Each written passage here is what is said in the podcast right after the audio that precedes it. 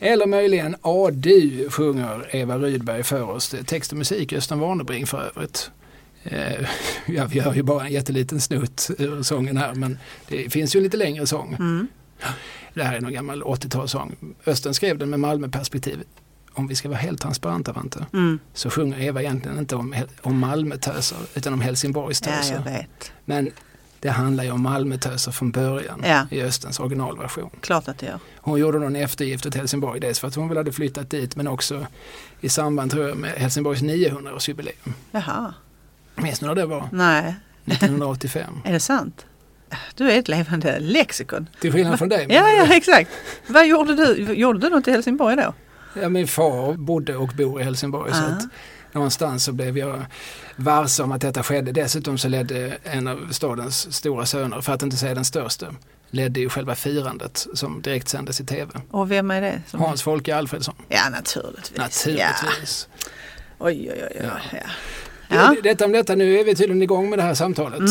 Vi bara gick rakt in, Mm. in media res, som man säger på litteraturvetenskapska, i händelsernas centrum. Mm. Eh, vi som sitter och pratar är jag, Kalle Lind och eh, så är det du, Jeanette Vante Rosengren. ja, densamma. Mm. Vi har eh, pratat tidigare under hösten här dels om offentlig konst i Malmö. Mhm. Det hotar vi att återkomma till längre fram. Mm. Och sen så börjar vi på en podd om Malmö på film. Mm. När vi hade pratat i 57 minuter om Bo Widerbergs tre Malmöfilmer så Mm. tänkte jag att vi kanske ska trycka på paus här och återkomma Mm. med de andra till ett senare tillfälle. Mm. Och nu är detta tillfälle. Men innan vi kommer in på detta Mm. så är det en fråga som hänger i luften sedan i våras. Ja, Då pratar vi om Malmö i musik just det. och eh, så kom vi in på en, en, av, en av stadens stora söner. Det finns ju många, den här staden har ju uppenbarligen många stora söner. Mm. Eh, Dan Nylander. Mm. Han hade ju ett band, har det fortfarande, eller, eller har det på nytt, Mm. som heter Rai Montana. Absolut. Och vi satt här lite grann och spekulerade vad det kunde betyda, Mm. Rai Montana. Mm. Vi vet ju bägge två att han hängde en del i Indien på Mm. 70-talet. Det har ju återkommit till, eller det har ju märkts på vissa av hans sångtexter från tiden. Mm.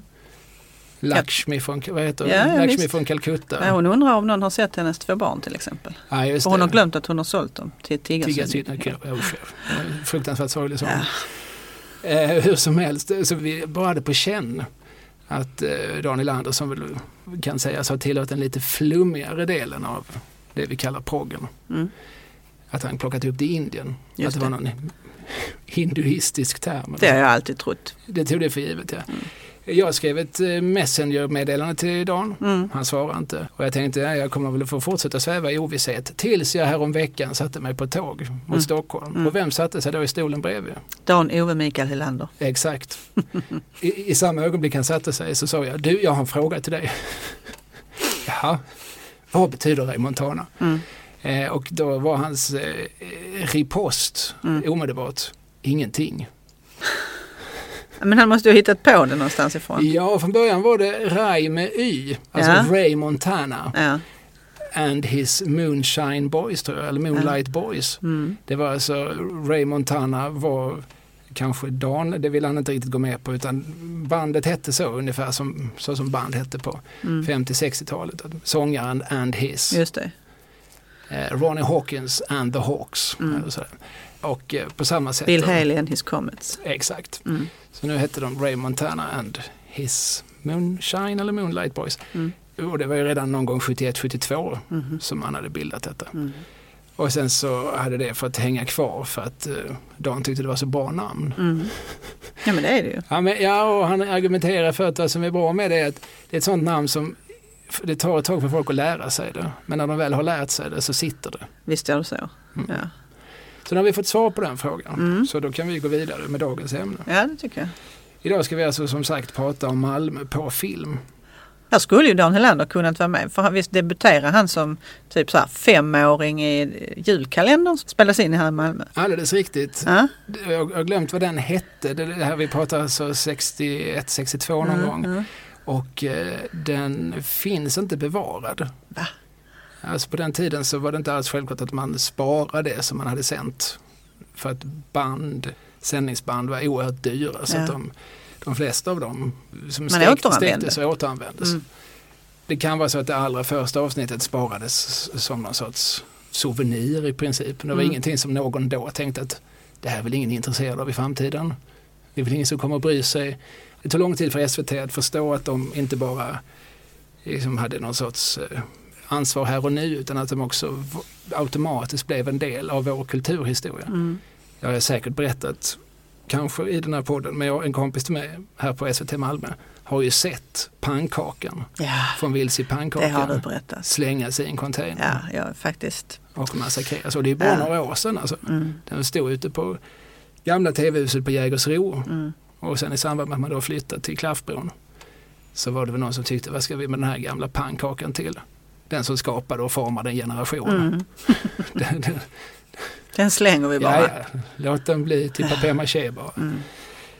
Så är det med det. Eh, men jag visste Donny Lander hade kunnat vara med. Nu tänkte jag, det kanske inte vi har kommit överens om, men jag tänkte att vi idag verkligen ska titta på Malmö på långfilm. Ja. Långfilm. Eller film, Ja. alltså inte tv. Mm. För att jag tänker att vi återkommer lite längre fram med ett program om Malmö i tv. Mm. Det är också jättekul. Sen var det en annan sak som jag glömde säga till dig som, jag, som slog mig. Att vi kanske, det finns ju två bröder Ja, eh, som har gjort många filmer med Malmömotiv, Mm. dokumentärfilmer. Gatten ja. Precis. De tänkte jag kanske också att man skulle kunna lägga ett eget program eftersom de filmerna är så många. Ja men det är väl en god idé. Ja. Så då är vi överens om, Absolut. om spelreglerna. Ja. Men i övrigt gör vi så att vi tar som vi brukar en tio-lista Mm. och så tar vi varannan och så ser vi om det blir tio. Mm. Eller så visar det sig att vi sitter med fem dubbletter. Så kan det ju vara för vi har inte pratat innan om vilka vi ska ha. Nej, vad det nu skulle vara bra för. Men det, det skapar ju nerv. Ja, Det gör ju att det här samtalet får en annan eh, spänning Ja, precis. det glöder på ett annat sätt. ja. Va? man vet inte vad den andra ska välja. Nej. Så tio nedslag, tio filmer som eh, utspelar sig i Malmö, är inspelade i Malmö, som har någonting med Malmö att göra. Mm. Och vi kommer alltså inte att hålla oss i någon kronologi utan vi, eh, vi tar varannan. Mm. Ska vi göra som vanligt att du börjar? Du är så vänlig Ja, jag är ju... och artig och chevaleresk. Ja, tackar, tackar. Mm. Ja men jag börjar då. Det har vi nog aldrig sagt. Då börjar jag med en film som heter Ole Dole Doff. Och då säger jag eh, Jan Troell. Det gör du helt rätt i för det var nämligen hans andra film. Efter, nu ska vi se här, hans allra första långfilm hette Uppehåll i myrlandet. Nej, den hette Här har du ditt liv. Ja precis. Uppehåll i myrlandet var bara en kortfilm. Mm. Han var folkskollärare i Malmö. Ja, På vilken skola? på Sorgenfriskolan och där utspelar sig också den här filmen. Se där. Ja. Och där spelar Per Oscarsson Troells, gissar vi, alter ego.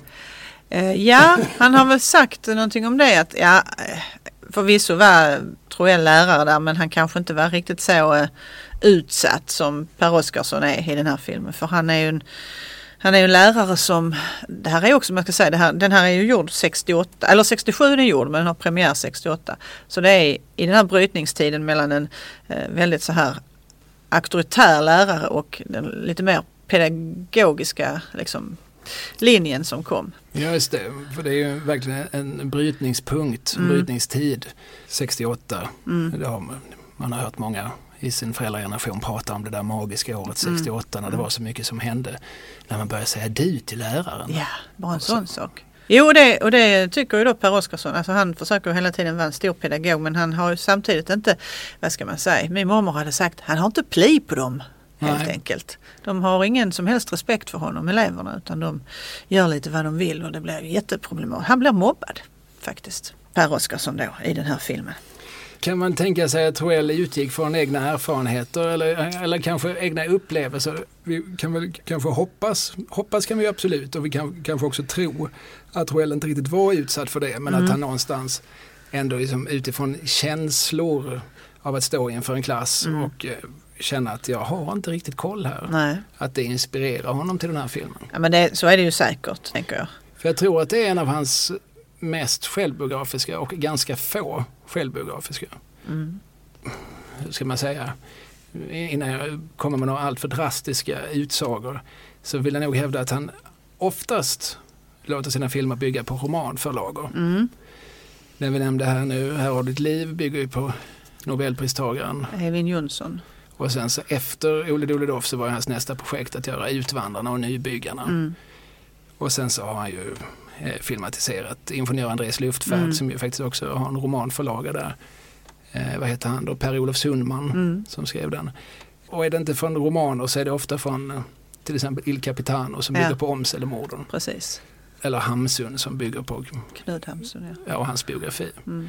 Eh, men det här, här gör Troell någonting lite annat. Mm.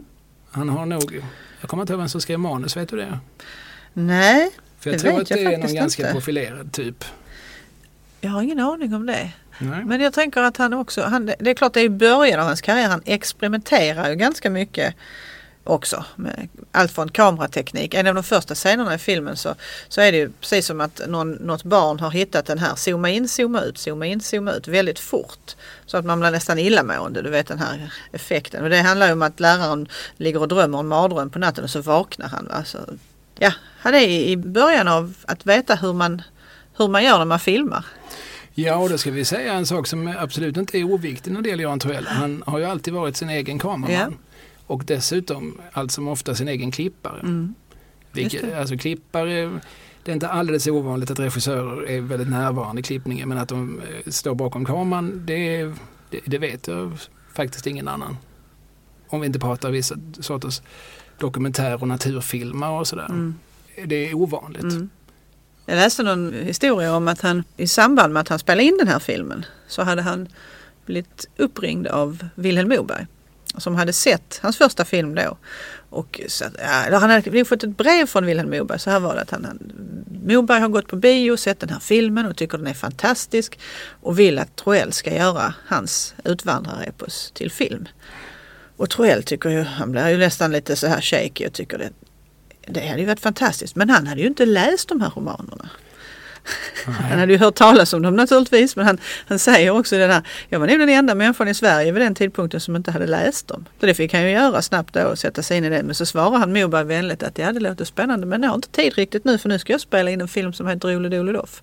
Med detta fick eh, nationalikonen, Folktribunen, ja, dramatikern, författaren och eh, debattören ja Moberg låta sig nöjas. precis. Ja, Ja, men han fick ju som han ville lite längre fram. absolut. Medan vi har pratat här så har jag smygvickat och Mhm. ser att eh, Olle Dolof faktiskt bygger på en roman även den. Jaha, En roman som heter Ön sjunker. ja just det, ja, det visste jag förstås. Som är skriven av en man som heter Claes Engström. Mm.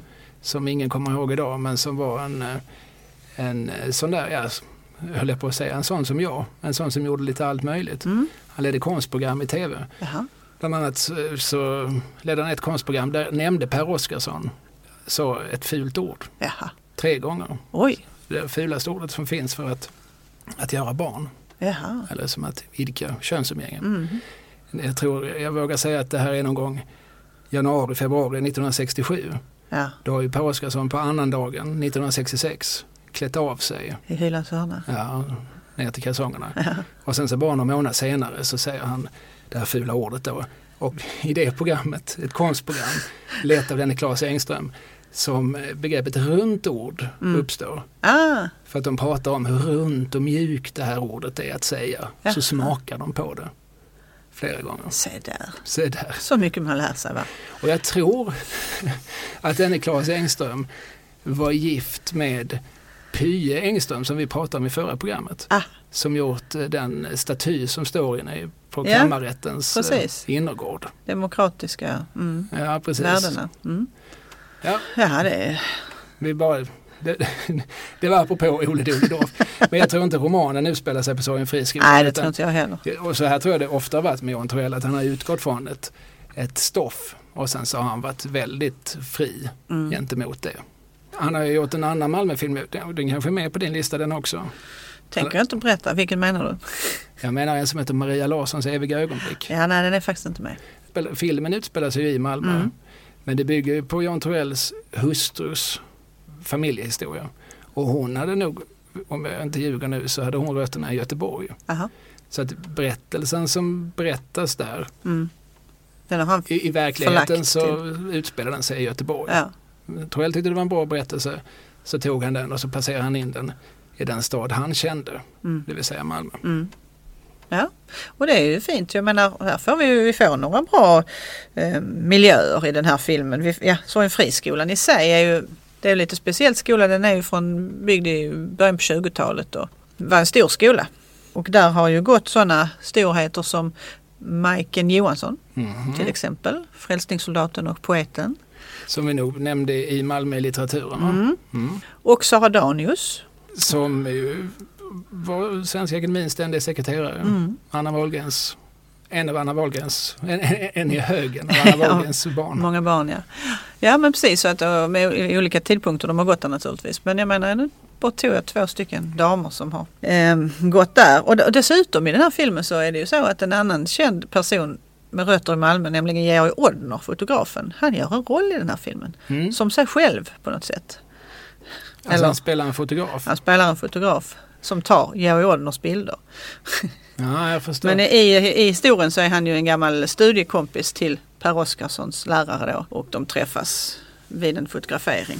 Ja, och och när du berättar det då känner jag ju att jag var inte helt ute på tunn is när jag påstod att Troell någonstans utgått från sig själv. För då spelar Per Oscarsson en folkskollärare i Malmö Mm. som har en bästa kompis Mm. som är fotograf Mm. och som tar Georg Odners bilder. Georg Odner var ju Johan Troells bästa kompis i Mm. många decenniers Mm. tid. Och eh, jag tror att han emellanåt i vissa filmer är krediterad som konsult Ja, ja. och sådär. Han, han var ju inte bara fotograf, han var också jazztrummis. Eh, Och i en av de mest explosiva eh, sekvenserna i nämnda Nybyggarna, Mm. den där Arvid och Robert går runt i öknen och letar efter olja, Mm. så spelas det väldigt, eh, vad ska vi kalla dem, disharmoniska, jobbiga, obehagliga trummor. Mm. Det är en väldigt, eh, väldigt jobbig, svettig, ödesmättad och ångestfylld sekvens. Mm. Men det är ju Georg Odner som spelar de trummorna. Ja, se där. Det var han som tillsammans med Troell pratade sig fram till att det är så här den här sekvensen måste göras. Mm. Ja, där ser man. Jag tror Troell har gjort ett, eh, en liten dokumentärfilm också om sin vän? Mhm. som är gjord nu på 2000-talet. Ja.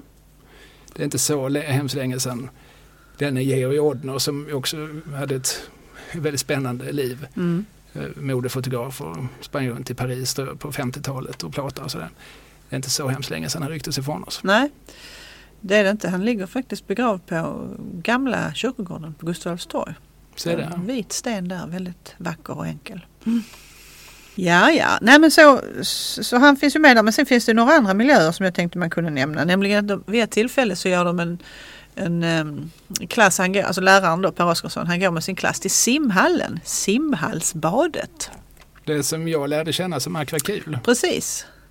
Men som jag lärde känna som simhallsbadet eftersom jag är så oändligt gammal. Ja, och dessutom fanns i stan tidigare än jag. Ja, ja. Alltså, det hände ju någonting med det badet någon gång i mitten av 80-talet. Att, att de byggde ut med en äventyrssektion och så, Mm. så att även vi från Eslöv hade en anledning att ta, vi hade ju trots allt ett eget bad, Mm. Mm. som då för tiden inte hade en äventyrssektion. Det har de ju nu. Jaha. Så nu behöver inte Eslövsbor ta sig till Malmö längre. Ni har alltid Eslöv nu. Precis, särskilt som väl akvakul, jag vet inte, det, det är ju stängt för det mesta känns det Ja, som. jag tror det är föreningarna som har sim, simföreningarna som huserar där numera bara va? Och inte glada barn som vill åka vattenrutschkana. Men hur som helst, simhallsbadet ser vi sekvenser av Ja. i Ole Doledorf. Så, så man får lite Malmö på 60-talet känsla. Absolut och det är ju rätt så nytt då, alltså det är ju invigt 56. Och det här som sagt utspelar sig då i slutet på 60-talet. Så att det är ju kvar de här otroligt vackra formerna och snygga 50-talslinjerna som man kan se. Sen är man också på museet på Malmöhus. Och det är rätt så kul. Klassen går dit och de ska få en genomgång och de ska sitta och lyssna på någon, någon pedagog där som ska berätta för dem om barocken eller vad det nu är. Det brukar alltid vara barocken när man gick dit och skulle titta på något skåp och så vill man alltid att den här kvinnan skulle trycka på den där knappen så att det åkte ut ett lönnfack i den här stora chiffonieren. Men i alla fall. ehm, det är roligt att titta på de här scenerna för att det är exakt samma djur som de ser, de här barnen på Sorgen friskolan. De står, har st- stått kvar där ända sedan dess. Den här stackars hinden med tungan utanför munnen som blir slagen av en gepard som är liksom i rörelse i luften. Det är fantastiskt att Ingenting har ändrats sedan dess. är det så? i alla fall inte den montern. Sen är man också på Ribersborgs bar, alltså på stranden.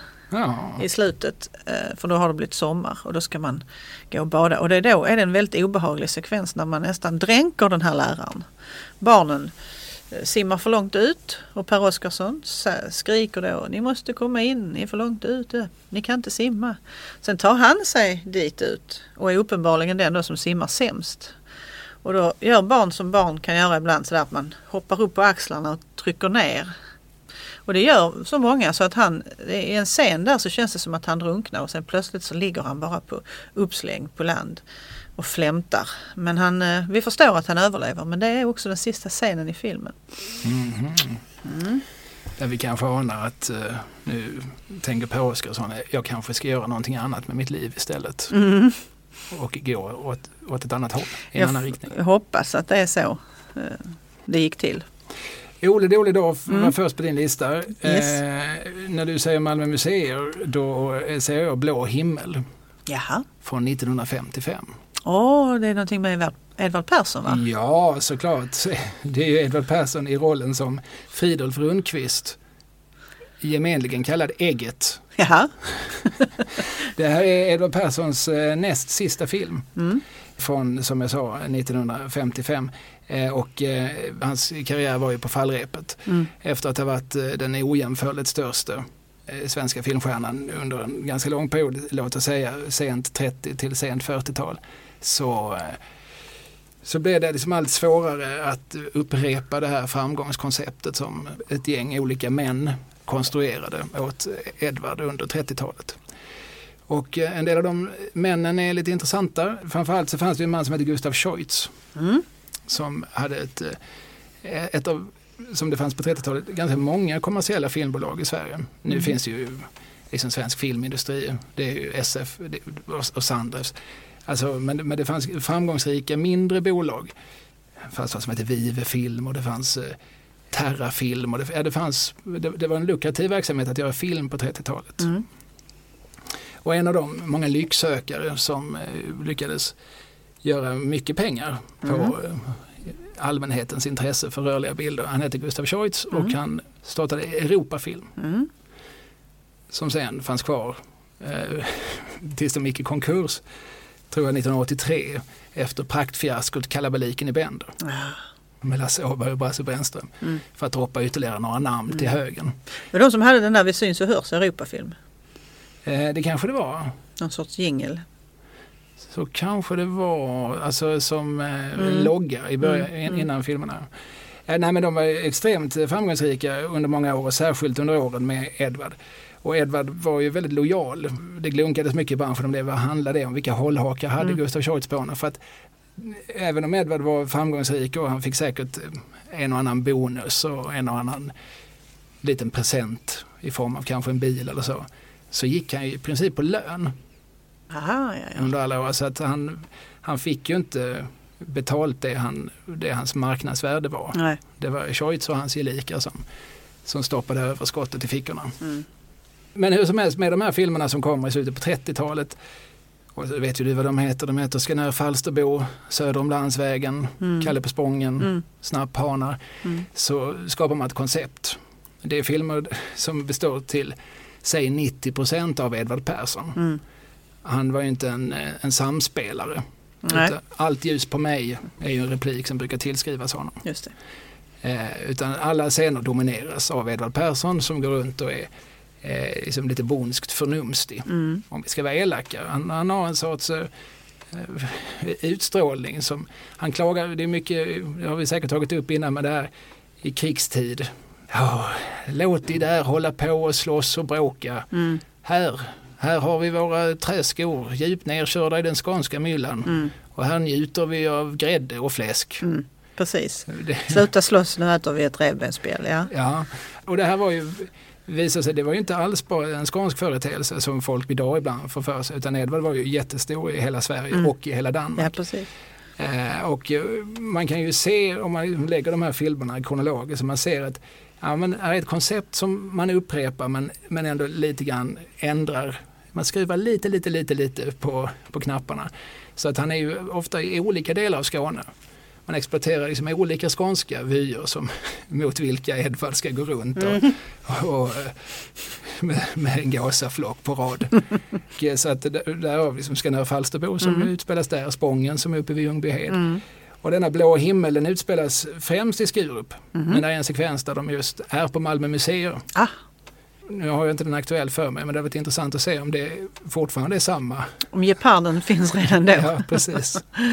Och eh, den här är rolig, den här filmen när man tittar på vilka som medverkar i den. Ja. För att i rollen som, eh, nu hittar jag inte, jo i rollen som Berit hittar vi Eva Rydberg. Jaså? Och visst är Mikael Segerström debuterar Ja, också precis. där? Ja, Du har ju koll. Som jag sa, den- utspelas ju delvis i Skurup. ja, ja, ja. Och där bodde han ju som barn. Så där Just gjorde det. han sin, eh, sin eh, filmdebut. Men Och vilket gäng. 30 år senare spelar ju Segerström Edvard Edvard. i en SVT-serie som hette just, Allt ljus på mig. ja precis, Mm. så allt hänger ihop. Ja. Eh, andra människor som fanns runt omkring Edvard och, och vars, eh, vad ska man säga, vars eh, arbetsuppgift väldigt mycket gick ut på att hitta den perfekta ko- kontexten att placera Edvard i. Mm. Det vill säga liksom den perfekta berättelsen, den perfekta miljön och, eh, och, och då liksom servera Edvard repliker som är liksom lagom förnumstiga. Det fanns en man som heter Henry Richter, honom känner du till va? Ja, han måste ju vara um, släkt med alla de här Han var väl far till Jan Richter? som i sin tur är far, far till David Richter. Va? Precis. Ja. Ska vi bena upp det? ja, men Henry Richter, han, jag tror han också skrev Han skrev boken om Edvard Persson va? Jan. Mm. Jan Richter skrev boken Mm. eh, 1974. Mm. och, eh, och det kunde han göra bland annat för att hans far Henry hade ju skrivit så mycket manus Ja. åt Edvard och jobbat nära honom. Henry skrev också i någon av tidningarna, Sydsvenskan, vågar jag säga, kanske Kvällsposten, men troligare Sydsvenskan. Jan Richter var ju också journalist men skrev också en herrans massa för scen. Mm. Bland annat eh, flera av just Eva Rydbergs föreställningar på Fredriksdalsteatern. Mm. Det gjorde han ofta i tandem med Åke Cato. Ja, ja. Eller ibland med Mikael Neumann tror jag. Mm. Och David Richter som du nämnde, han har ju jobbat sedan sen spädbarnsåren som kulturjournalist på Sveriges Radio Malmö. Mm. Så där fick vi, fick vi in familjen Hela familjen Richter ja. Ja, Det precis. är bra. Men ännu intressantare eh, är att eh, under en period i slutet av Edvards karriär så fanns det en man som hette Åke Olmarks Ja. som var anställd av Europafilm eh, för att ja, just skriva manus och, och sitta och klura ut hur kan vi liksom ta den här väletablerade Edvard-karaktären och sätta honom i miljö så att en ny publik kan engagera sig. Det lyckades de inte riktigt med för varje film så. Mm. Man, man ser ju en tydlig eh, nedförsbacke de sista åren. Edvard blev också gammal och trött Mm. och kände sig förbrukad. Och, ja, stjärna det är vad de brukar kalla kor. Det är kor som mjölkar mest. Brukar han säga bittert. Ja. Ja. ja, det ligger någonting i det ju. Ja, det gör det. Men Åke Olmarks är ju en spännande karaktär. Mm. Han var religionshistoriker i botten tror jag. Mm. Är han känd för någonting idag så är det väl för att han översatte Sagan om ringen. Ja, ja, ja, det var han som gjorde det. Ja, och det gjorde han väldigt fritt. Mm. Mhm. För inte så hemskt många år sedan så gjorde man ju en ny översättning. Mm. Eh, Erik Andersson. Precis. Mm. Det finns de som hävdar liksom att det är två helt olika böcker. Mm. Olmarks han, han såg mer liksom Tolkiens eh, förlaga som en rekommendation. Jaha, Sen var det upp till honom att, att göra den lite bättre. så han skrev till saker, eller? Framförallt, till karaktärer. framförallt så gjorde han språket oerhört mycket blommigare. Tolkien försökte nog skriva på en ganska korthuggen så här liksom eh, Snorre Sturlason, Mm. isländsk inspirerad fornnordisk prosa. Men Olmarks han, eh, han adderade. Han, Han gjorde den Ranelidsk. Ja, ja, han skapade, och det, och det finns ju också de människor i min ålder som är uppvuxna med Olmarks översättning som, ja nu har jag läst både Tolkiens original och Erik Anderssons översättning och jag måste nog säga att Olmarks var den största läsupplevelsen. Jaha. Oavsett hur mycket han frångick Tolkiens original. Ja.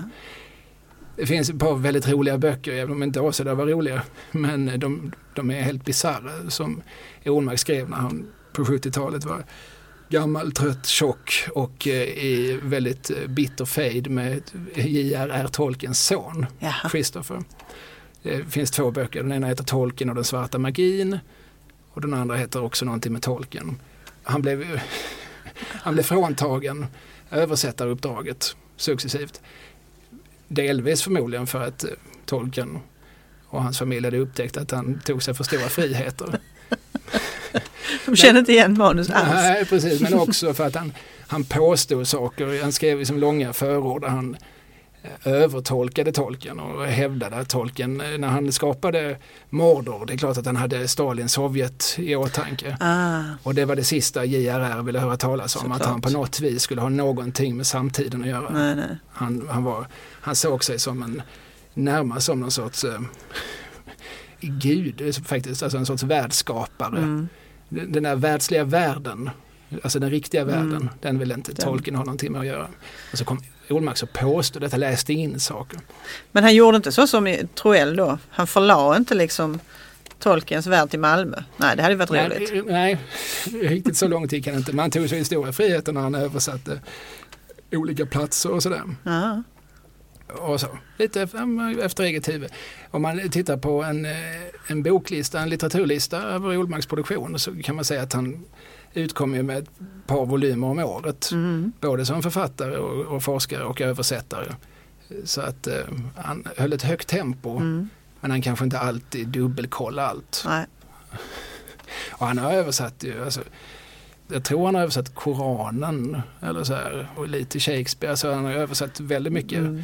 sånt som det krävs någon sorts klassisk bildning för att kunna översätta. Men Mm. han har nog också hittat på lite. Han skrev ju också en skånsk-svensk ordbok. Ja, för just nu så ringde det i mitt huvud sådär. Jag försökte memorera hur min egen bokhylla ser ut och jag bara får något så här i huvudet. Av Skånekungars blod. Kan det Mm. inte vara han? Det kan det absolut vara. Mm. Som nog handlar om tiden då vi kristnades. Ja, den, precis ja. Det Eh, är länge sedan jag läste den. men- Hans skånsk-svenska ordbok är ju en eh, läsupplevelse. Jag har ju själv skrivit en sån Mm. eh, bok och när jag då skulle göra det så gick jag igenom de böcker som fanns. Så det var ingen tvekan om vilken som var mest underhållande. Ja, ja. Det var ju Olmarks. Men det var också väldigt många ord jag inte kände till och jag har från mer än ett håll hört att Olmarks anklagades för att ha hittat på de flesta orden själv. det ord jag minns tydligast från, från Olmarks eh, skånsk-svenska ordbok det är ordet skrabekaga. Jaha. Skrabekage. Ja, det är ju alltså kagan man gör på skrabet. Jaha. Alltså, Du samlar ihop resterna Ja. och så trycker du ihop det och så kan du göra en, en kaka idag på gårdagens kakrester. Aha. Det är en skrabekage. Ja, ja. Och enligt Olmark så finns ju det gamla det gamla folkliga uttrycket Ja, jag fick skrabekagan, sa han som blev gift med den fula systern. Och det kan alltså vara så att eh, det uttrycket har Olmark hittat på själv. Men det, det gör ju inte saken sämre. Nej. Nej, Någon ska ju hitta på de här skånska uttrycken. Varför inte Olmarks? ja, nej, han var lämpad. Ja. Nej, och han, var, han var kompis med Sten Broman och eh, de hittade på en massa hyss i Lund och så här. De Mm. gjorde bland annat faktiskt en filmatisering av en, av en, eh, det faller lite grann utanför ramen för den här podden för den utspelar sig inte alls i Malmö men, men väl i Lund med omnejd. De gjorde en, en eh, filmatisering av Falstaff Fakirs novell Ett svårskött pastorat. Ah, ja, ja. gjorde de 1958. Det var Olmarks lyckades få ut lite pengar av nämnde Gustav Scheutz och, och menar att i gengäld kommer du få den roligaste film som någonsin har gjorts. Det fick inte Gustav Scheutz. Nej, det kan man nästan ana. Men den filmen är intressant för att i den så gjorde Helsingborgs och eh, Malmös största son Hans Folke Alfredsson sin, sin skådespelardebut. Jaha. Vad spelar han där? Han spelar en redaktör. Han är, märks väldigt lite för det fanns många andra Lundaspexar vid tiden som överspelar ännu mer. Detta var apropå blå himmel. där några scener utspelar sig i Malmö. De gör en utflykt, den här adjunkt-ägget Mm, mm, mm. till Malmö. Ja. Så nu eh, ska vi, ska vi få ihop tio namn så kommer det bli en lång podd. Ja, ja, det kan det. Vi får se. Men nu tänker jag förflytta mig till eh, modern tid. Mm. Mm, eller i alla fall till 2003. Och då, det var därför jag blev lite nervös i början när du sa långfilm. För det här är ingen långfilm. Det är en, eh, en kortare film. Den är 33 minuter lång och heter Nobelvägen. Av Henrik Möller. Just han. Han har gjort eh, ett antal filmer i Malmömiljö. Mm. Nobelvägen, den utspelar sig längs Nobelvägen. Jaha. Bara där faktiskt. Eller i början är de ju faktiskt på AG Favör på Värnhemstorget och handlar folköl. Och det är ju inte riktigt. Eh, Nej precis. Men de får gå en bit bort. För de går Sallusvägen upp en liten ja. bit. Ja. Då svänger de höger. Ja. Och sen så går de Ja. och fortsätter gå. För det är en lång väg. Det är en lång väg. En 33 minuter lång väg. Ja. Filmens handling är ju så att det är en ung kille som studerar film i just Helsingborg faktiskt. Som Mm. går någon kurs där och så får de olika studenterna i uppdrag att göra en kortfilm om olika ämnen och då får han ämnet Nobelvägen i Malmö. Och eh, lyckas på eh, Eh, ett märkligt sätt då få fatt i tre stycken locals som ska visa honom och som har på något sätt eh, låtit påskina att de kan allt om Nobelvägen och historien och ja, så. Och det kan de ju naturligtvis inte. De är bara intresserade av att röga och dricka folköl och slänga ur sig one-liners. Typ så här. Nobelvägen, det är bara en rak lång jävla väg. Alltså, det är så... Njut nu av Nobelvägen! skriker de till den här filmaren. Som för övrigt är väldigt kort och de andra tre är väldigt långa. Ja, Och de kallar ju honom hela filmen igenom för stockholmaren. Han är ju från Helsingborg då. Så att, men han är ju i alla fall, liksom det är ju norr om han Malmö. är ju norrifrån. Ja, då är man stockholmare. Samojed. Samojed. Har du aldrig hört det uttrycket? Att han är från Samojedien? Nej. Ja, Samojed, jag tror att det, liksom, att det finns någonting som heter Samojeden eller Samojedien och att det är, någonstans norra Sibirien eller så, Mm. alltså Mm. långt borta. Mm. Och det kanske är Lund man ibland som kallar folk eh, norrifrån för samojeder. Aha. Alltså folk från, säg Hässleholm då. Ja. Ja, det låter typ lundensiskt att säga så. Vi Malmö säger mer stockholmare. ja men det är i analogi med att eh, Sofielund kallas för Svina i Ja, Ryssland. Det är så långt borta att det är Ryssland. Ja, ja visst. Mm. Henrik Möller, jag höll Mm. för något år sedan en, ett samtal med honom på Inkomst här i Malmö. Mm. Och det var eh, fullt och mer därtill. Det var oerhört eh, späckat Ja. eh, i publiken. Han har en, en stor och, eller kanske inte så stor, men oerhört hängiven publik. Mm. Han har gjort alltså diverse kortfilmer från den kortaste kanske är på två, tre, fyra minuter och den längsta kanske är en knapp timme eller sådär. Mm. Mm. Han jobbat länge med, som i det här fallet, det är ju en spelfilm. Nobelvägen som du nämner, men eh, på senare år sa han, "Nej, jag pallar inte gå ut med kamera och skit. Utan han, istället så gör han små stillbilder som han tecknar Mhm. och så filmar han av dem och så lägger han på en speaker. Mm. Han har ju som skapat någon sorts egen värld, det är verkligen ful-Malmö. Mm. Det är inte Mm. alltid Malmö men det är väldigt ofta Malmö. Han, äh, Teckomatorp eh, återkommer ofta också i Mhm. hans titlar och hans filmer. Men jag, jag kan dra några titlar av Henrik Möller så får vi någon sorts bild av vad han är för en Mm. sorts eh, filmskapare. Mm. Han gjorde Lost i Malmö, Mm. gjorde han 98 redan. Ångesthunden, Ja. så kommer Nobelvägen då 03, sen kommer Cancervovven Mm. också 03. Sen så gjorde han ju också filmen Mysigt på Möllan. Ja. Det är väl två tjejer från, tror jag, Stockholm som har hört att det ska vara så mysigt på Möllan. Så kommer de dit och ser att det, är inte bara mysigt på Nej. Möllan. Det är också kanyler i sandlådorna. Just det. Ja. Sen har jag gjort Kaninhoran, Mm. ja, Bögkompisen, Mm. Lägenhet på Sevedsplan. Ja. Det hör vi också att det, det, det är inte Jane Austen. Nej, nej. Sen har jag gjort en film med den intressanta titeln Malmö lika med råttkodd. Ja, ja, ja. Mm. En film som heter Bra ställen och bra folk att känna i Malmö. Mm. Mm. Är vi med där? Nej, det tror jag inte. Nej. Ja, bög, hora, döda allt. Vi ska spräcka din farsas röv. Nu hör vi att det är inte, det är inte alldeles finkänsligt. Och, Nej, det tycker Eh. vokabulären börjar ja, mm, förändras här. ja, men så har du också mycket som djurtema. Rävpojken och älgen Labans mamma, Ångesthunden 2, eh, Grisaknullarbyn. Eh, och, eh, och återigen eh, så, så dyker då ja, det- dels Benny Doffman från Teckomatorp. Mm. Eh, en figur som man återkommer till. Så har gjort en film som heter Tre knastar på Segervång. Döden på Dalaplan, Ja. Gångtunneln. ja, den är väl också på Dalaplan? Vi gissar att det är den som Mm. åsyftas. På den tiden när, när det fortfarande var bilder av häxbränningar. Just det. Man skulle liksom Ja, det, det, schavottera där hela vägen. jag, så, Springa för livet. ja, när jag kom till, till Malmö, det var ofta det jag ville visa mina vänner när de kom på besök. Men skulle få se, du skulle få se vad Malmö är för en stad. Så gick man till Dalaplan, den här liksom stora oerhört opersonliga och bullriga trafikplatsen. Här är som en gångtunnel. Har du sett Clockwork Orange? Okej, det här är lite värre. Och så gick vi ner i den. och så var det de här avrättningsbilderna på väggarna. Otroligt märkligt. Ja, det är Malmö. Ja, det är Malmö när det är som både sämst och, och mest Mm. Malmö. Ja, han har gjort så otroligt många filmer. Svart taxi Malmö, Falafelmannen, Han hade bull. Han hade bull. Ja. Och sen så har han då gett ut en samlings-TV med den fantastiska titeln Kaninhoran och andra barndomsminnen från Malmö. Ja, det är, det är festliga titlar. Mm, en annan samlings-DVD heter Döden gör sightseeing i Malmö. Mm, Mm. Får väl lite grann en bild av vilken ämnesfär Henrik. Möller gärna rör sig. sig. Det finns mycket hembränt och det finns mycket ångest och det finns eh, eh, många människor som pratar med rejäla diftonger, för att Ja. inte säga triftonger. Ja, det får man nästan säga. Mm. Lite sådär punk och sunk om man ska sammanfatta det liksom med tre Ja. ord. Men jag tycker det finns en rolig scen där i Nobelvägen när de går där. Och den är ju, så, den är ju väldigt lång och rätt så tråkig också. Kantad av opersonliga hus och inte minst kyrkogården. Och, eller kyrkogårdarna. Mm. En lång sträcka ju.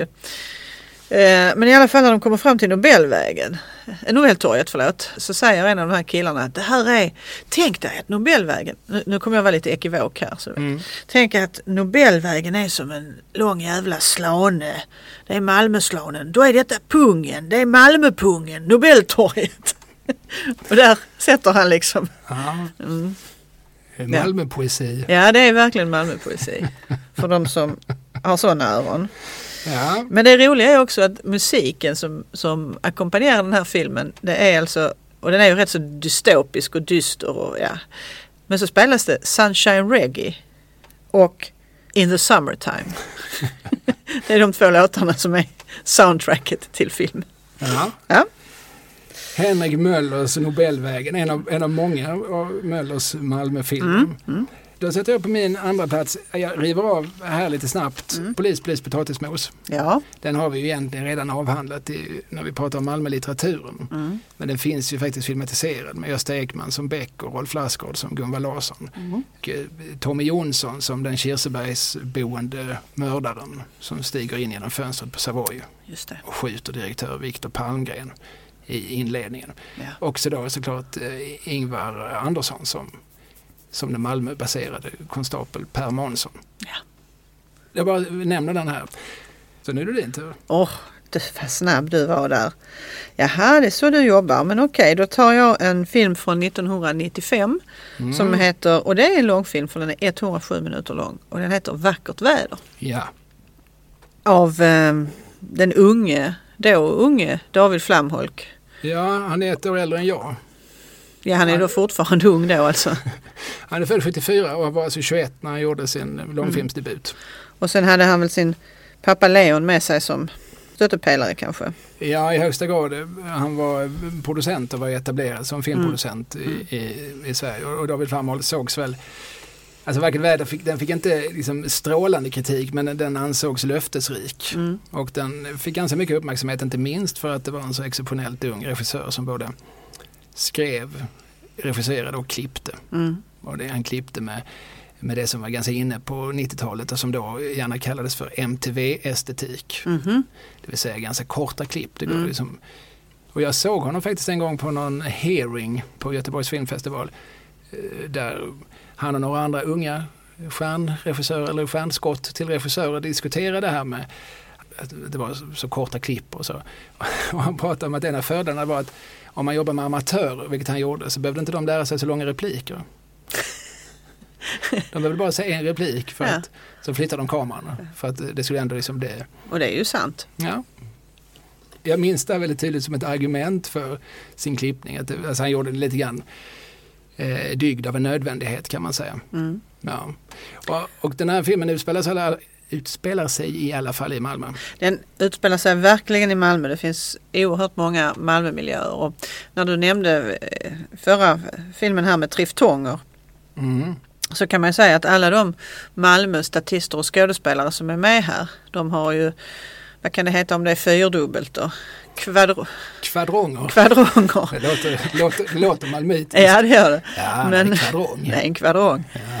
Men eh, jag tänker på vår podd här, oerhört många gånger i filmen så, så hörs adu och det är väldigt mycket svordomar. Och, och de pratar väldigt brett. Jag vet inte om de är tillsagda och pratar väldigt brett men Jag tror det, för jag tror det var så här, och den är ganska självbiografisk eh, handlingen har jag förstått. Han, han är nog uppvuxen i, i Stockholm själv, David Farmak, och så Mm. var det nog så att hans, eh, hans föräldrar skildes och modern flyttade till Malmö. mm, Och så att, lite grann tror jag att han vill skildra den här upplevelsen när man kommer någonstans ifrån där man är van vid att alla pratar på ett visst sätt och så Mm. plötsligt så kommer man någonstans där de rullar på ärren Mm. och det är långa vokaler när de pratar.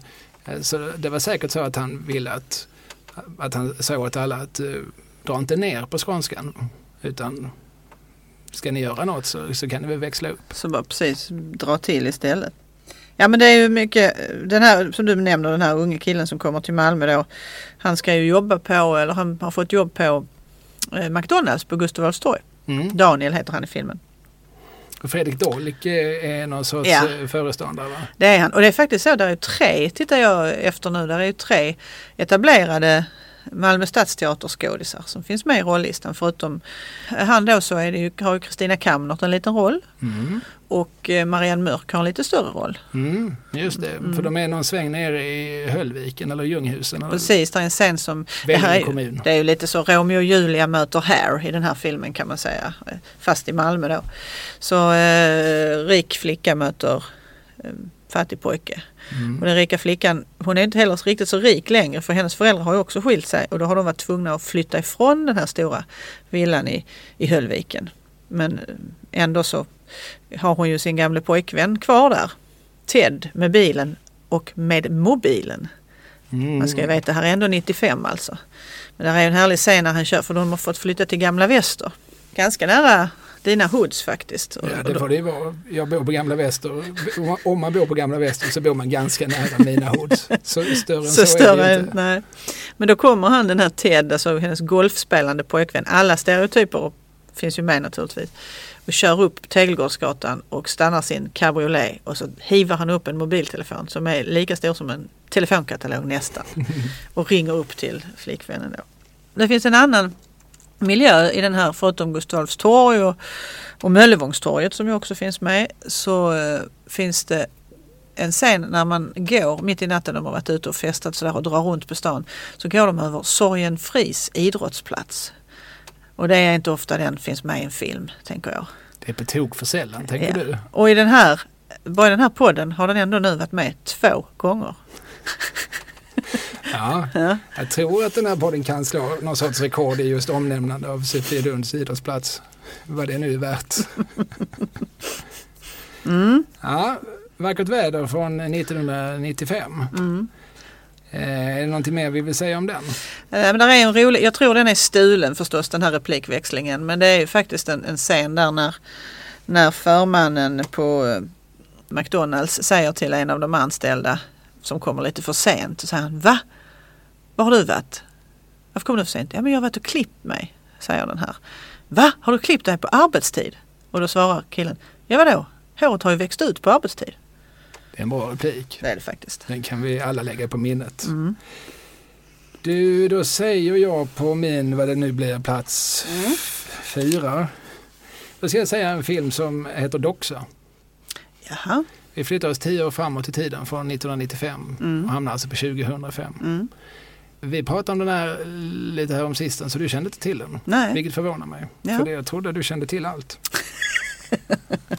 Den bygger på en roman av en man som har nämnts också oproportionerligt många gånger i den här podden, Fredrik Ekelund. Ja. Han skrev en roman som heter Nina och sundet. Ja. Det är en sorts, eh, som man säger, vigilante historia, alltså en ensam hämnerska i det här fallet som Eh, Det är någon historia där kring någon fabrik som eventuellt kan syfta på Cementa på Limhamn. Eller, men, men det är någon större fabrik där hennes, om det är hennes far eller mor som har dött i någon arbetsplatsolycka. Och hon anser att det finns några eh, liksom, chefer som är skyldiga till detta.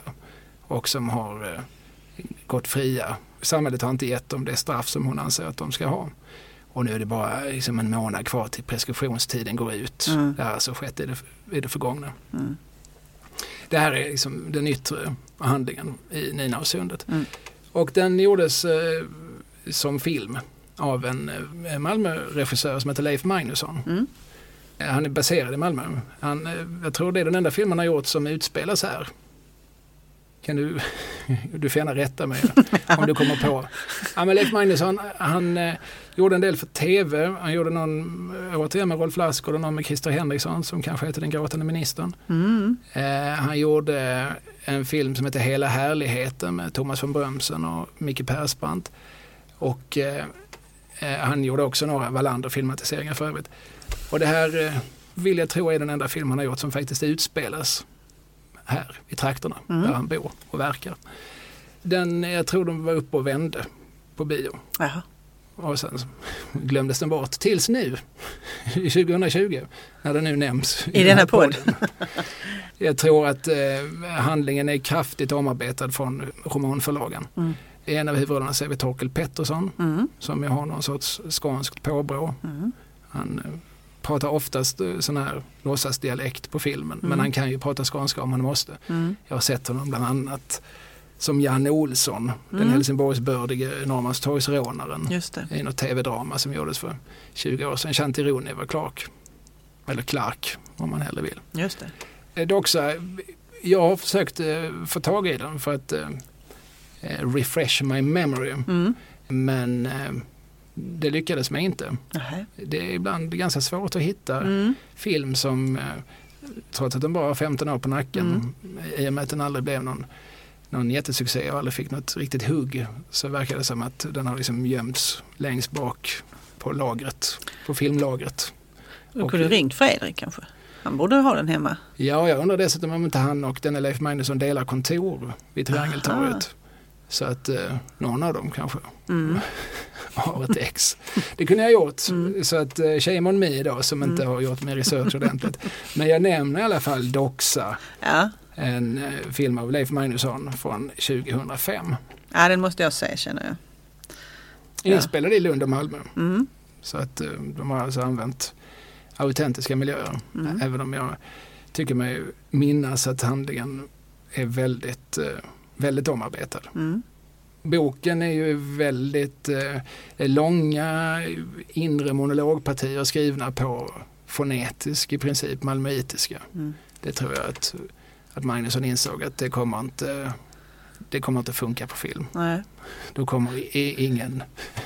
Men så skriver väl Fredrik Ekelund ofta på fonetisk, Ja, det är då, han, fonetisk skrift. och det är då hans romaner är som bäst om du frågar mig. Mm. Mm. Han har ju eh, sagt i den intervjun att han, han när en dröm om att skriva en hel bok på fonetisk malmöitiska men han inser att det kommersiella värdet är mindre än noll. Vad har du nu på din nästa plats Ja, listan? nu har jag en film. Den är ju jätte, jätte, jätteny om man tänker. Den är ju från 2016 Mhm. och det är också en film som bygger på en, en romanförlaga och den heter Jarden. Ja, såklart. Mm. Den bygger alltså på Christian Lundbergs bok med samma namn och det här är Måns Månsson som har regisserat. Eh, Den blev ju också teater. Den Mm. blev ju också en monolog på Malmö stadsteater. Och en radioteaterpjäs tror jag. Mm. Eller SR Dramapjäs som det heter nu för tiden. Ja, ja. Det är inte så längre. Radioteatern ger Nej, bing. Men jag tror till och med de som jobbar på SR Drama av gammal vana säger radioteater. För Mm. det är det alla vet att det är. Ja. De ska ju ändra på så mycket nu för tiden. ja, det är tramsigt faktiskt. Nåväl, eh, Mm. och Jarden är den inspelad på plats på Jarden. Det för, förmodar jag att den är för att det ser verkligen ut som att det är där. Eh, Och var ligger alltså Jarden för den som inte är orienterad? Ja det är ju alltså, om de, i hamnen. Mm. Ja. Det är ett oändligt landskap fyllt med bilar. Eh, fotbollsplan efter fotbollsplan med helt nya bilar som ju då ska transporteras. Filmen är inte, följer inte förlagan exakt därför att i filmen så är det så att eh, huvudpersonen han, har, han är också författare men han har recenserat sin egen bok. Och därför får han eh, inga fler uppdrag på den stora tidningen. Man ser ju också att de sitter i, i gamla Sydsvenskan huset på Segevång. Panorerar, man ser ut över motorvägen och så. Och då är han ju ekonomiskt trångmål den här huvudpersonen så han har en, dessutom en tonårsson som han verkar ha försörjningsansvar för. Så då måste han ju hitta ett nytt jobb. Det börjar ju med en härlig scen där han tar sin senaste bok som han själv inte tycker är bra och så går han och försöker kränga den på bland annat mitt stamlokus, nämligen Rogers antikvariat på Bergsgatan 4. Mm. Det finns ju med i filmen och Roger själv är ju med i filmen också. Och han, ja, han tycker synd om den här författaren. Så, ja, jag kan ta några ex liksom och försöka sälja men lyrik går ju inte, det vet du. Och eh, ja, vår huvudperson han blir så ledsen sen så han slänger alla sina egna ex i vad heter det? Containern? Eh, sopnedkastet. Och inser att han måste ha ett, ett, ett annat jobb och sen så skaffar han sig det här jobbet på Yarden då. Och han är ju absolut i minoritet eh, eftersom han är talar, Vi- vithyad han är vithyad och talar svenska. Ja precis. Eh, från moder, moderns tunga. Och då uppmärksammar ju han hur marginaliserade alla de andra är och vilka vidriga arbetsförhållanden som råder på den här arbetsplatsen. Mm. Ja, nej, men det blev ju en eh, succé eh, både i, i alla, alltså boken var väl det som blev succén och sen så avknoppades, alltså eh, vad ska jag säga, ett av eh, indicierna på att det blev en succé var väl just att det blev både pjäs, radiopjäs och film. Mm. Här med att han recenserar sin egen bok eh, det var i verkligheten var ju historien lite annorlunda. Mm. att Christian Lundberg skrev i Helsingborgs Dagblad och eh, recenserade en bok som inte fanns. Mm. Det var dock inte en bok han själv skrivit utan en bok som enligt en bokkatalog skulle skrivas av Britt-Marie Mattsson. Hon hade dock inte hunnit skriva den men det hindrade inte Lundberg från att ändå sabla ner den i, alltså i tre meningar i, Mm. som i en sån här kökkenmödding av, av höstutgivningen. Mm. Ja, och Britt-Marie Mattsson har skrivit en bok, den är dålig. Mm. Ja. Och det skulle han inte ha skrivit för det var det som knuffade ut honom i kylan. Mm. Men han tog sig tillbaka då med det här projektet Jarden. Mm. Han eh, vände eh, nackdelarna till sin fördel. Mm. Pekade också på något som det här med bemanningsföretag. För det är det han för ett, krig, ett oheligt krig mot kan man säga i den här boken och filmen och allt vad det är. Bygger ju på angiverisystem och människor uppmanas att ange varandra för, för att få en egen bonus och sådär.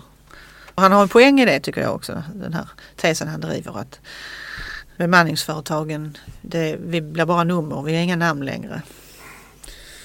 Det blir en sorts anonymisering Mm. av arbetarna. Och har man ingen relation till sina arbetare så har man heller inga som helst problem att sparka vederbörande när han inte längre behövs. Precis. När hen inte längre behövs. För jag måste bara säga en Ja, sak här. När du sa det just det här. Jo, det har ju varit, och det här funderar jag mycket på när jag letar efter olika filmer med Malmöanknytning. Att det blir oerhört mycket manligt gods. Det är mycket Mm. manliga författare då till bokförlagorna och det är manliga regissörer och manliga huvudrollsinnehavare och så vidare. Och jag letar, jag letar. Men just i Jarden så kan man väl faktiskt ändå säga att, att en Guldbagge för bästa foto fick Ita Zbroniec Sajt. Som ju absolut är en kvinna. Så fick det jag sagt det. säga. Mm. Eh, jag river av ett par filmer som jag inte har sett. Mm. Men som är gjorda i Malmö och det är lite genant för mig för jag känner en del av de inblandade. Oj. Jag säger det som en film som heter Manana från Jaha. 2009 Mhm. av Manuel Concha. Mm. Bördig från, ja han har förmodligen sydamerikanska rötter men han är född och uppvuxen på Kulladal. Mm. Senast jag träffade honom så levde han ihop med Claudia Galli som vi har sett bland annat i Starke man. Mm. Manana utspelar sig i Malmö Mm. och eh, huvudpersonen är en ung man med, som har lite sydamerikanskt påbrå. Hans bästa kompis spelas av en kille som heter Hans Christian Thulin som är ihop med Helena av Sandberg heter väl hon. Mm. Mm. Eh, det är en eh, sån här lite varm, somrig, romantisk komedi Mhm. i Malmömiljö. Mhm. Och en gammal radiokollega till mig, Esa Norossi, har en eh, liten men naggande god biroll. Den vill jag inte prata mer om eftersom jag då pinsamt nog inte har sett den. Men jag skrev upp den här direkt för den tänker jag att jag vill se. Ja, och sen har vi också en film som heter 10 000 timmar. Oj, vad är det nu då? Ja, det är en, eh, också en varm komedi. eh, den är från så sent som 2006, 2014. Ah, Eh, Peter Magnusson och Özz Nujen i huvudrollerna. ja ja. Eh, med gjord av Malmöbolaget Way Creative Mm. som håller till i dina trakter Absolut. på Montbetjogatan. Ja, absolut. Samma kvarter som restaurangen Grand och Mm. förlaget Ros och Tegnér där jag har gett ut en massa böcker. Så Mm. det och inte minst där en av bröderna Gerten väl har Magnus. sitt Mm. Auto Images. Mm. Så det är verkligen ett kulturkvarter Mm. där ni stora kulturarbetare och Mm. kulturproducenter och kulturleverantörer Mm. lever och verkar. Ja, nu när du säger så så. Ja, Ja. så kan du inte gärna säga emot. Eh, 10 000 timmar, eh, namnet har det fått för den här gamla idén om att om man övar på någonting 10 000 timmar så blir man bra på det. Mm. Och Peter Magnusson i huvudrollen, han spelar då en man som vinner på Lotto tror jag, eller på tips. Och eh, därmed blir ekonomiskt oberoende och nu bestämmer sig för att han ska lägga 10 000 timmar på att bli fotbollsproffs. Ja, ja. Trots att han är, liksom, är 30 plus och eh, inte har något vidare bollsinne. Och Özz spelar hans eh, bästa kompis. Men där syns också Malmö, den är, har Malmö som sin spelplats. Mm. Och jag tycker de, båda de här filmerna är lite intressanta att nämna för att här har vi liksom en genre då, liksom komedin, den lättsamma komedin, den romantiska komedin. Även den kan det såklart utspelas i Malmö. Mm. För att vi förknippar kanske ofta, liksom, är Malmö spelplatsen? Det gäller kanske inte så mycket långfilm som det gäller väldigt mycket tv. Det finns bland annat en dansk-svensk samproduktion som har blivit en jättesuccé. Mm. Så är ju Malmö väldigt mycket förknippat med, kriminalitet och gängkrig och, och det är våld och det är liksom, eh, nattliga bilder. Och det är, men det finns ju även ett annat sorts Malmö har skildrats på film. Mm. Ett Malmö där solen lyser ibland och Mm. eh, där man kan vara olyckligt kär eller lyckligt kär Mm. eller glad eller ledsen. Men för liksom vardagliga småsaker. Och det kan man göra som i i Manuel Conchas film Manana. Det kan man göra trots att man har ett annat påbrå än helsvenskt. Mm. Så kan man fortfarande, man kanske inte ägnar hela sin tid åt att fundera på eh, vem är jag? Var har jag mina rötter någonstans? Nej. Eh, utan man kanske funderar mer på det här med att, att vara förälskad. Mm. Det får jag verkligen hoppas att det är så det är. Ja, nej, men jag vet att det kan vara så. Mm. Det har jag från hästarnas egen, egna munnar. Så de två eh, tycker jag ändå ska nämnas. Mm. Hade du mer på din lista? Nej, nu hade jag faktiskt inga mer för att eh, sen märker jag att jag har skrivit det är tv-serier och det ska vi ta en annan gång. Just det. Ja, vi, vi bör väl nämna Spring för livet. Ja, det tycker jag. Richard Hoberts film med Lena Endre i huvudrollen. Ja, precis. Och Göran Stangertz. vi- Via den- filmen de två blev ett par. Mm. Eh, Hon levde väl ihop med Thomas Hansson dessförinnan. Och, Mm. ja, han var också gift sen innan. Vill man veta mer om den relationen så kan man se på Richard Hoberts film Alla älskar Alice. Som väl skildrar eh, hans skilsmässa i detalj. Mm. Han satte Mikael Persbrandt i rollen som sig själv. Det kanske säger någonting om Richard Hoberts självbild, vad vet jag? Vad vet jag? Ja, men Richard Hobert, ja, han är lite sådär, han har blivit, blivit lite grann en driftkucku och liksom slagpåse. Han gjorde en film som hette Tre solar Mm. Som han kanske inte borde ha gjort. Det tror jag att Hobart själv har konstaterat att det kanske inte var världens bästa idé att sätta sådana här risiga medeltidsperuker på Persbrandt och Kjell Bergqvist. Och det kanske inte var världens bästa idé att låta Rolf Lassgård spela Torben Barberare. Men, eh, men så därför glöms det lite grann det här hans stora projekt som Mm. var oerhört ambitiöst, de här sju filmer och sju dödssynder. Ja. De senare filmerna där som heter Födelsefesten och Glädjekällan och- Ögat, ja det är väl en av de allra första. Va? Mm. Men de fick rätt dålig kritik, men de första fick ganska bra kritik. Och, Mm. och den här Spring för livet som är den fjärde, Mm. den fick, den omfamnades av svensk kritikerkår. Den ansågs vara en, en genomarbetad, smart eh, thriller Mm. som dessutom, alltså, trots att det var en genrefilm, vågade liksom ta tag i en, en ganska känslig fråga, det vill säga flykting, Mm. flyktingproblematiken, om vi kallar den så. Mm. Redan med den andra filmen, tror jag, den som heter Händerna, som Sven-Bertil Taube med så fick ju Hobert eh, Bergmanpriset Mm. ur den stores hand. Mm. Eller han kom nog inte själv till Guldbaggeutdelningen men han lät, eh, Andligen så överlämnade ja, han alltså. precis, han lät väl Åse Kleveland tror jag som var dåtida vd för Svenska Filminstitutet Mm. överräcka den. Så att han var ju, alltså det fanns ju en tid då Hobert betraktades som, som väldigt lovande. Mm. Och eh, jag tycker nu när många av oss, och jag hör till dem, som, som har liksom, tycker man väl själv då lite kärleksfullt hånat just Tre solar. Jag, ja, den, nej, den kanske inte var så bra i verkligheten som den säkert var i Hoberts huvud. Mm. Eh, men nu har den lite grann fått överskugga allt annat han gjort. Han har gjort en, eh, vad det kan vara 10-15 filmer och eh, ett antal av dem har prisats och berömts. Mm. Och, och de har lite grann hamnat i skuggan. Och Ja, det är lite synd. det är lite orättvist. Ja. Nu för tiden har jag dessutom gjort, börjat göra prisbelönt must. Just det. Han är ute på Österlen och mustar.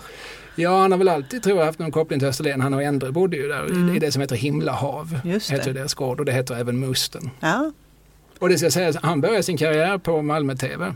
Han gjorde ett par av de skånska morden. ja, ja, Det gjordes ju fem skånska Mm. mordfilmer med hans Tugo i tre av dem. just det. Och Hubert regisserade då dels Yngsjömordet Mm. Som hans Tugo inte var med i. Och det som vi därför har glömt bort. Mm. Men även Esarpan. Men, men å andra sidan var väl, nej vilken var det Dan Tillberg var med i? Han är ju chaufför i någon av de filmerna. Jag, jag, jag minns inte. Jag, alltså jag skäms för att säga Nej. detta. Jag minns inte. Va? Ja, jag vet. Herregud, jag ska gå hem och piska mig. Ja, flag, flagellanten Ja. Kalle Lind. Men eh, jag tror att, eh, att Malmö förekommer lite här och var i de här sju filmerna. Men i synnerhet i den, Mm. i den fjärde och bästa. Just det. Enligt, enligt den samlade expertisen bästa, Spring för livet. Och där är ju också någon sån här rolig scen. Och jag menar de som bor i, låt säga Stockholm, där ju ändå mycket film spelas in. De må- måste ju känna så här varje gång de ser något som är inspelat i Stockholm. Som jag såg, när jag, eller som jag kände när jag såg den här filmen då. Ja, men va? Här går de in i något hus på Gamla Väster och kommer ut i Pauli kyrka. Eller om det var tvärtom, jag minns inte. Kanske var det tvärtom. Du, du är inte den första jag hör som är upprörd över detta. Jag tror Nej. faktiskt alla Malmöbor jag känner som har sett Spring för livet, det, det har varit deras första kommentar. Sen därefter så kan man börja prata om huruvida den är bra eller dålig. Ja. Men det var ju såklart Ja. upprörd. Nästan förolämpande. Ja, ja. Man blir nästan personligt Ja. förolämpad. Ju- Vem, vem tror han att han lurar? Va? Det ligger inte ens i närheten, det är flera kilometer emellan. Ja. Men eh, nej, det är många trevliga Malmömiljöer som finns annars i den här filmen. Mm. Så då blev även den nämnd. Men jag tänker bara fråga dig nu så här, om, du, om någon skulle spela in en film om ditt liv, vem skulle spela huvudrollen då? Du. jag hade inget bra svar så jag bara jag jobbar med att vara snabb, en, särskilt, en särskilt fyndig. Ja, okej. Eh, nej men Chantironi, Chanteroni. folk Mm. säger ibland att jag är lite lik Chantironi och jag citerar gärna det. Ja. Vi har båda tätt mellan ögonen, jag tror det är det det handlar om.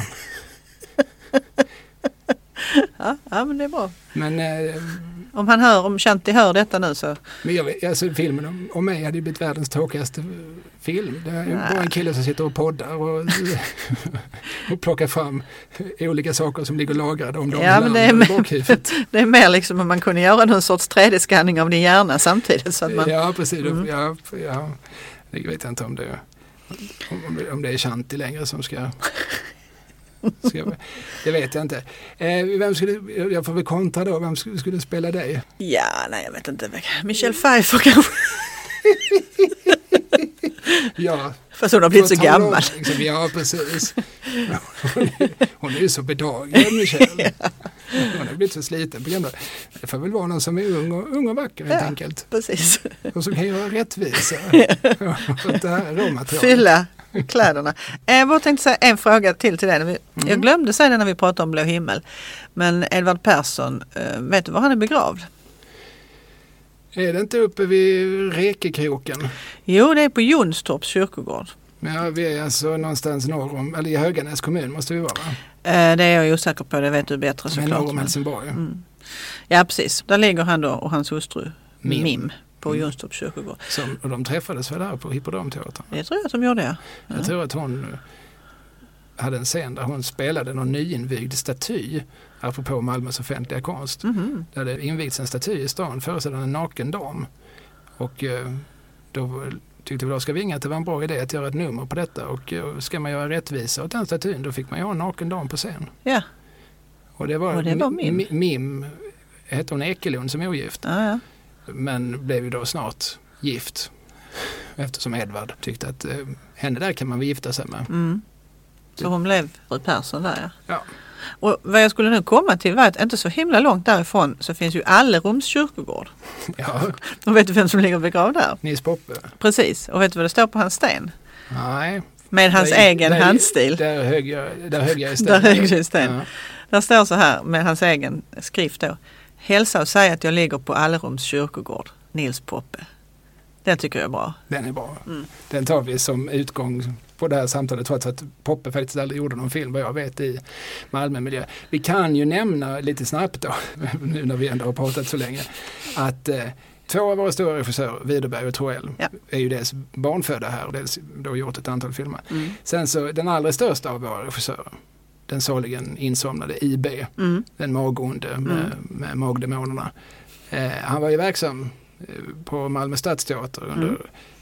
Den teaterns kanske allra mest blomstrande tid på 50-talet Mm. och gjorde ju legendariska uppsättningar, både Glada änkan och Faust. Mm. Alltså både det glättigaste och det tyngsta. Mm. Och varje sommar gav han sig ut i, i omgivningen och gjorde film. Precis. Åkte till Hovs hallar och gjorde Mm. Sjunde inseglet. Och åkte till Lund och gjorde Smultronstället och så. Mm. Men var han aldrig i Malmö då? Om han nu bodde? Han bodde väl någonstans borta vid Eriks... Eh, Mm. Han bodde ju i. Stjärnhusen ja. Eh, inte Eriksfält utan Erikslust. Ja. ja, det blir alltid fel. Mm. Det är särskilt när jag börjar tänka. Vilket var det nu? Och då blir det garanterat fel.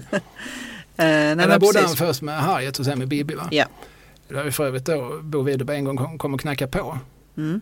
Har vi pratat om det? Nej.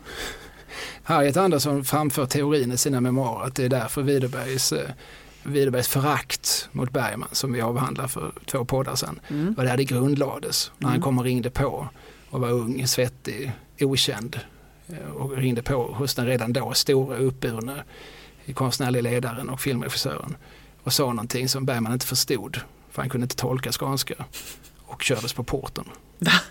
Va? Är det så? Ja, enligt Harriet så var det så. Ja, då förstår jag Bo Widerberg. Vad det är för Det snobberi. gör vi lite till mans.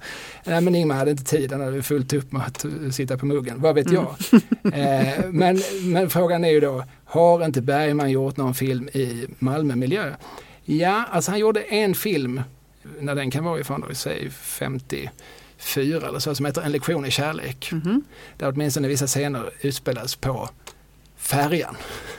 Ah, mm, Dragerfärgen. Ja. Mhm. Så att jag tror det var så nära. Eh, jag hoppas att jag har fel. Jag hoppas att det finns några exempel som jag inte har hittat. Mm. Men eh, som sagt, han var i Lund Mm. och han bodde i Malmö. Mm. Och han satte upp pjäser i Malmö. Absolut. Men han verkar aldrig ha satt upp en kamera här. Nej. Ja, det var trist. Så då slutar vi i moll. Ja. Det här är en podd som heter ADU eller ADU beroende på om man vill vara bekräftande eller fördömande. Och eh, den görs av oss då, Kalle Lind och Jeanette Vante Rosengren. Och eh, den klipps av Åsa Skarp, det har jag aldrig sagt. Men det gör den konsekvent. Ja, det måste vi nämna. Ja, och den läggs också upp av henne. Det är hon som sköter all form av sånt som jag inte begriper, internet. Hon är jätteduktig. Ja, det är hon. Och hon får oss att framstå som inte fullt så dumma i huvudet som vi är. eh, sen kan man ju stötta den här podden ekonomiskt. Det gör man på patreon.com, patreon.com. Där letar man upp ADU-podd, ADU-podd med två D i ett ord. A-D-U-P-O-D-D. Var jag pedagogisk? Mm. Ja. Eh, Så kan man skänka en slant om man vill. Det är ju ingenting vi tvingar men, men det är såklart att det ger oss ett incitament att träffas här på nytt och Mm. sitta här och gagga. Precis. Det vill man ju inte göra gratis. Nej. Vem tror de att vi är? och eh, vad tycker du vi ska prata om nästa vecka? Eh, pff, ja, det finns så himla mycket. Har du något förslag? Nej, men det brukar ge sig. Mm. Så att jag Vi tänker kommer att på gör- något. Ja. Eller så gör vi inte det, vi får se. Mm. Det blir väl som det blir. Mm. Ska vi säga så då? Mm. Ja, så har vi. Hej. Hej.